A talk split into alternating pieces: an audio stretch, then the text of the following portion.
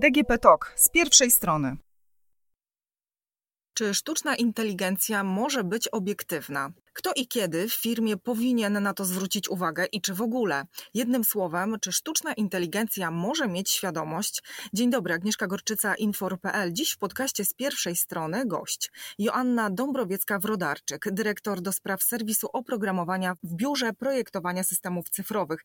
Prywatnie mama dwóch córek, wielbicielka przyrody i sztuki w każdej postaci. Dzień dobry. Dzień dobry, dziękuję za zaproszenie. Pani Joanno, co wielbicielka sztuki i przyrody robi w branży cyfrowej? E, wzbogaca się o nowe doświadczenia. E, takie mam modus operandi zawodowe, że staram się co kilka lat zmieniać zawód, zmieniać branżę.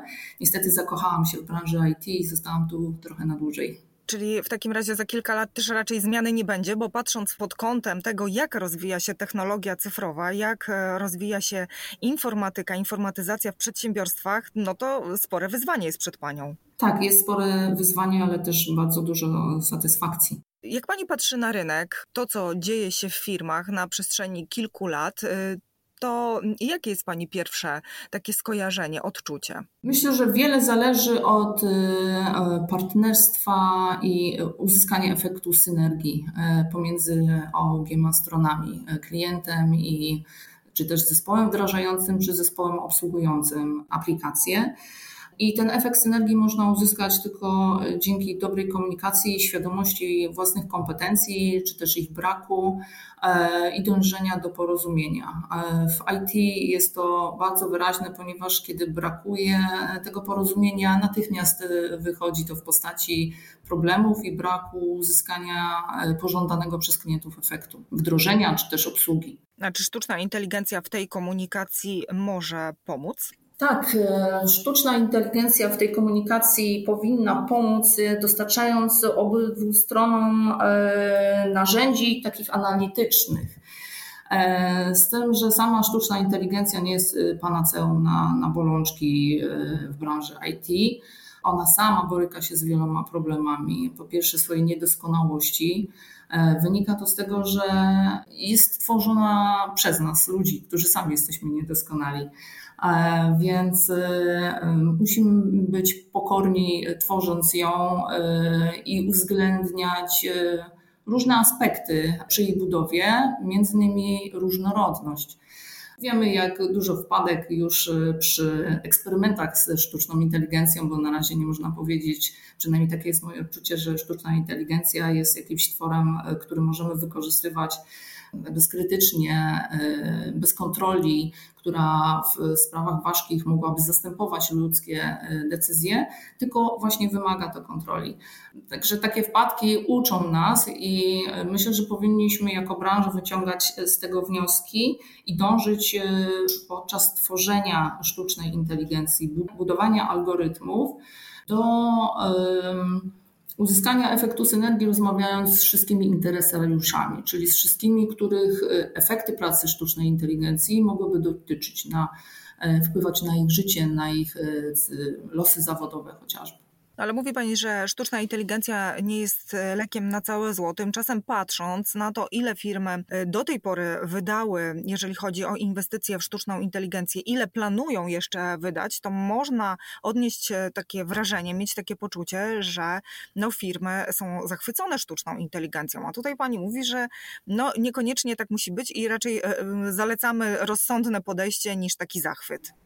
Nie dziwię się, że są zachwycone. Jest to e, trend, e, który e, jest bardzo rozwojowy, dostarcza bardzo wielu doświadczeń, ale tak naprawdę jest, myślę, że na początku drogi. Jest to taka może nie małpa, ale dziecko z brzytwą czasami. I tylko wtedy, kiedy jest wykorzystywane we właściwy, rozsądny sposób, z, właśnie z tą pokorą, ze świadomością niedoskonałości, potrafi być bardzo pomocnym narzędziem.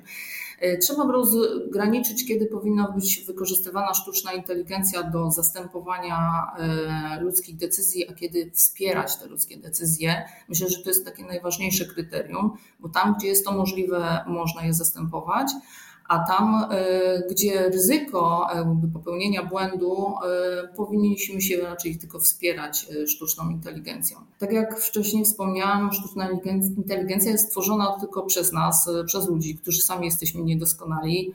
Wiemy, że sędziowie czy też lekarze potrafią podejmować w takich samych sytuacjach różne decyzje.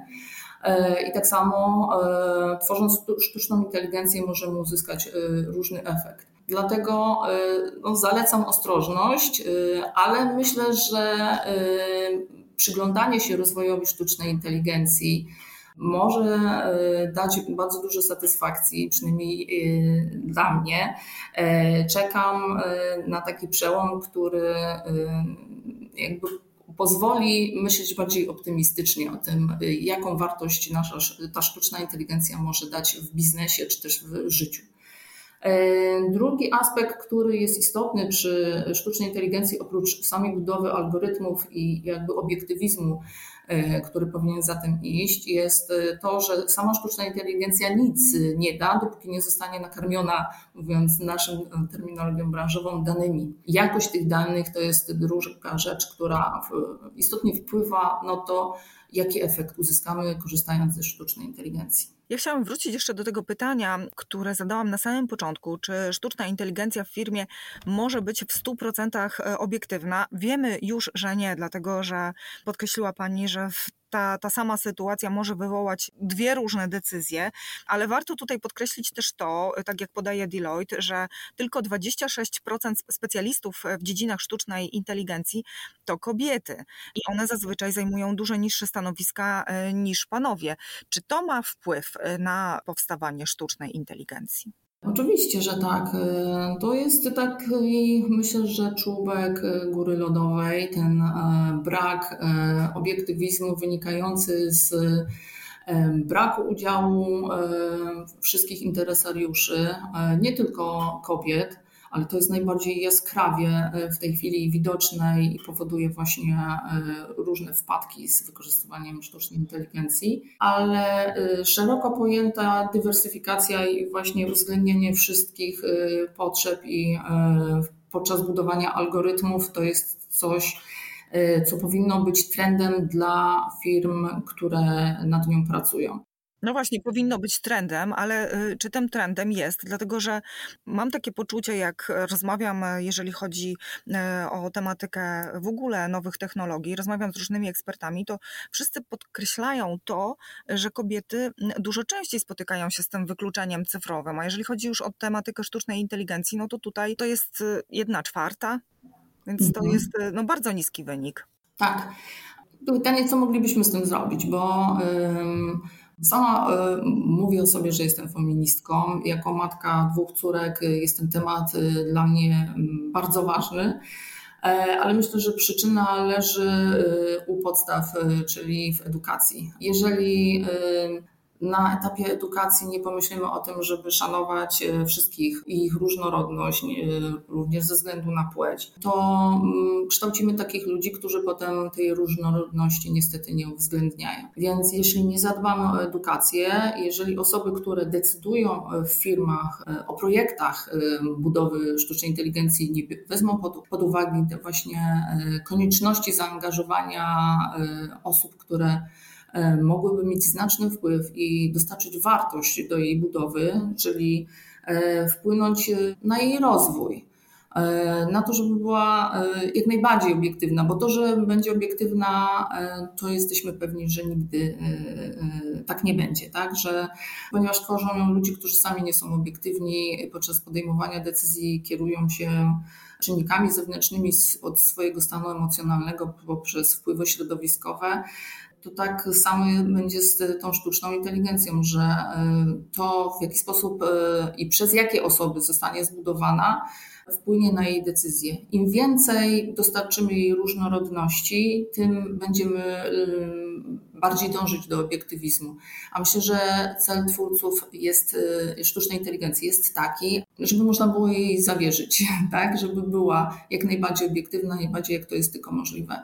Więc y, mm, to może nie jest trend, ale no wyzwanie. No i przede wszystkim proces, który zajmie bardzo, bardzo dużo czasu, dlatego że jeżeli mówimy o etapie edukacji, etapie kształcenia młodej kadry, no to to są działania, które y, no, będą miały miejsce na przestrzeni lat. Natomiast w tym momencie, co mogą zrobić firmy, żeby no, te szanse na ten obiektywizm zwiększyć? Odpowiedzialność e, ciąży po stronie osób, które zarządzają tymi projektami. To one muszą mieć w sobie na tyle pokory, e, świadomości tego i chcieć osiągnąć jak najlepszy efekt w swoich projektach, aby zaangażować kobiety do tych projektów.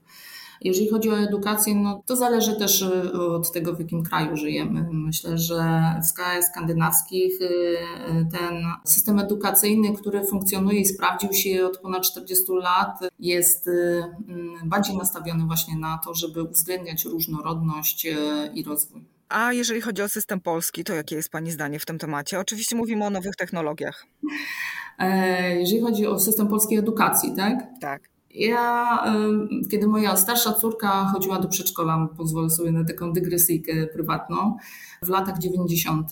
mieliśmy taką sytuację na zebraniu rodziców, że próbowano dokonać wyboru, jakie prezenty kupić dzieciom na Mikołaja. No i padały hasła, że dziewczynkom laleczki, a chłopczykom samochodziki, na co ja jako zadeklarowana feministka y, lekko się oburzyłam i zapytałam, dlaczego nie kupić wszystkim dzieciom takiej samej zabawki.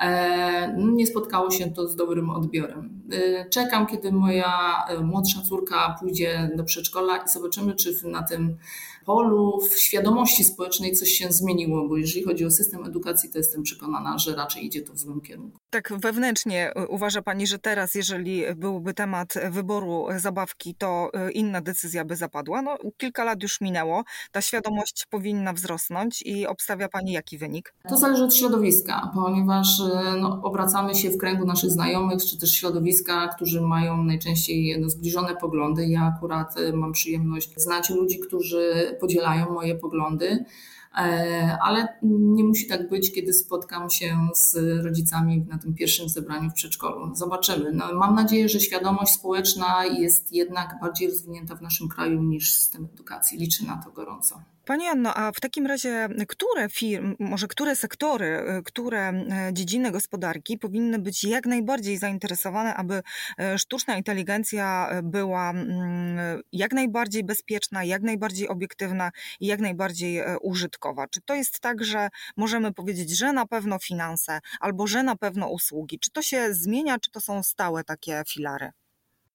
E, myślę, że wszystkie dziedziny. Myślę, że są to e, stałe e, filary i w każdej branży ta sztuczna inteligencja może być z powodzeniem wykorzystywana, ale właśnie w mądry, właściwy sposób, z uwzględnieniem to, o czym wspominałam, wprowadzania jakościowych danych. Bo z mojego doświadczenia jako project manager muszę powiedzieć, że wdrażając systemy informatyczne y, takim samym zespołem, ten sam system w różnych organizacjach ten efekt bywał pod względem osiągnięcia celu biznesowego różny. To zależało w dużej mierze nie tylko od y, zaangażowania osób po tej drugiej stronie, ale też od y, jakości danych, które były wprowadzane.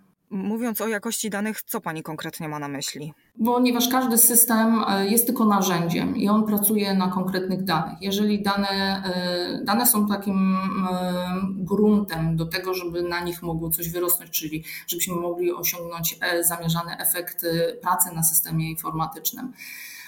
Więc jeżeli te dane są wprowadzane niekonsekwentnie, czyli są niepełne lub są w nich błędy, to nie można z nich uzyskać wiarygodnych analiz, na przykład statystycznych, a więc i wyciągać właściwych wniosków. A co Pani myśli mm, odnośnie e, pod kątem może używania sztucznej inteligencji e, w obsłudze klienta, dlatego że firmy, jeżeli mówimy o inwestycjach w ekosystemy IT na przyszłe lata, mają e, głównym, głównym ich celem jest to, że mają skupić się właśnie na projektowaniu systemów w ten sposób i sztuczna inteligencja by była jak najbardziej użyteczna e, dla klienta, czyli żeby daną transakcję czy dany zakup e, wykonać szybko, bezpiecznie i z minimalną ilością kontaktu, jeżeli chodzi na przykład o obsługę klienta, czyli właściwie bezkontaktowo. Czy Pani uważa, że w w tym zakresie ta sztuczna inteligencja ma pole do popisu? Jak najbardziej. E, już teraz widzę z, no, z mojego doświadczenia i z kontaktów e, z klientami, jak nasza sytuacja pandemiczna wpłynęła na wzrost potrzeby korzystania e, z narzędzi, o których Pani wspominała, które nie wymagają kontaktu czyli w procesach biznesowych, takich zwykłych do obsługi biurowej, jak akceptacja faktur albo akceptacja urlopów, delegacji, procesu zamówień, że coraz częściej te firmy chcą korzystać z narzędzi webowych, które umożliwiają podczas pracy zdalnej y, obsługę tych, tych takich podstawowych procesów y, biurowych. Także to jest zalążek, myślę, że takiego trendu. Dlatego biznesy, które myślą o tym, żeby rozwijać w, u siebie sztuczną inteligencję, powinny pójść w tym kierunku.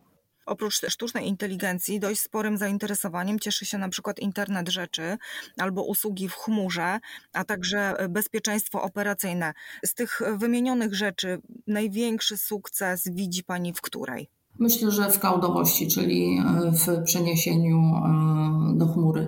To jest y, taki trend, którym przyglądamy się e, w naszej branży coraz częściej, bo takie są też oczekiwania klientów, ale tak jak Pani wspomniała, też trzeba pamiętać o bezpieczeństwie, bo przy pracy zdalnej następuje taka różnorodność e, w sposobach e, łączenia się pracowników do systemów informatycznych, że bezpieczeństwo jest rzeczą, o której na pewno nie możemy zapomnieć. Dziękuję serdecznie za rozmowę. Gościem podcastu z pierwszej strony była Joanna Dąbrowiecka-Wrodarczyk, dyrektor do spraw serwisu oprogramowania w Biurze Projektowania Systemów Cyfrowych. Rozmawiałyśmy o e, sztucznej inteligencji, no i o tym, jak będzie wyglądał w przyszłości świat. Dziękuję serdecznie za, za Pani czas i doświadczenie, że Pani się z nim podzieliła i mam nadzieję, że decyzje w przedszkolu będą po Pani myśli, Pani Anno. Proszę trzymać kciuki. Dziękuję za zaproszenie. Podcast realizowała nam Dorota Żurkowska. Dziękuję i do usłyszenia.